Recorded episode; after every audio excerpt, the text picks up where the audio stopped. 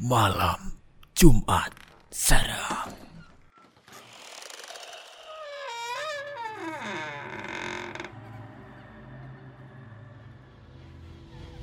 Jadi, aku punya pengalaman ngerjain tugas kuliah ini karena dikejar deadline.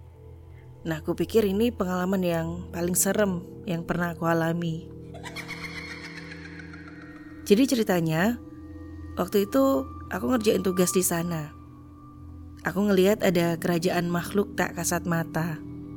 Dan penunggunya mulai dari anak kecil, hantu mak-mak, lalu ada juga sesosok makhluk besar yang auranya gelap dan ada juga makhluk yang bisa nyerupain manusia. Temanku sih pernah bilang kalau udah maghrib dia ngerasa aura di gedung ketiga itu mendadak berubah jadi suram dan lebih dingin. Aku juga merasakan dinginnya. Tapi saat menyentuh tembok, aku justru merasakan sesuatu yang lembek dan berlendir. Setengah sadar, aku melihat tanganku di antara cahaya remang yang memantul dari depan kamar. Terlihat ada semacam gumpalan darah yang menempel di ujung jariku.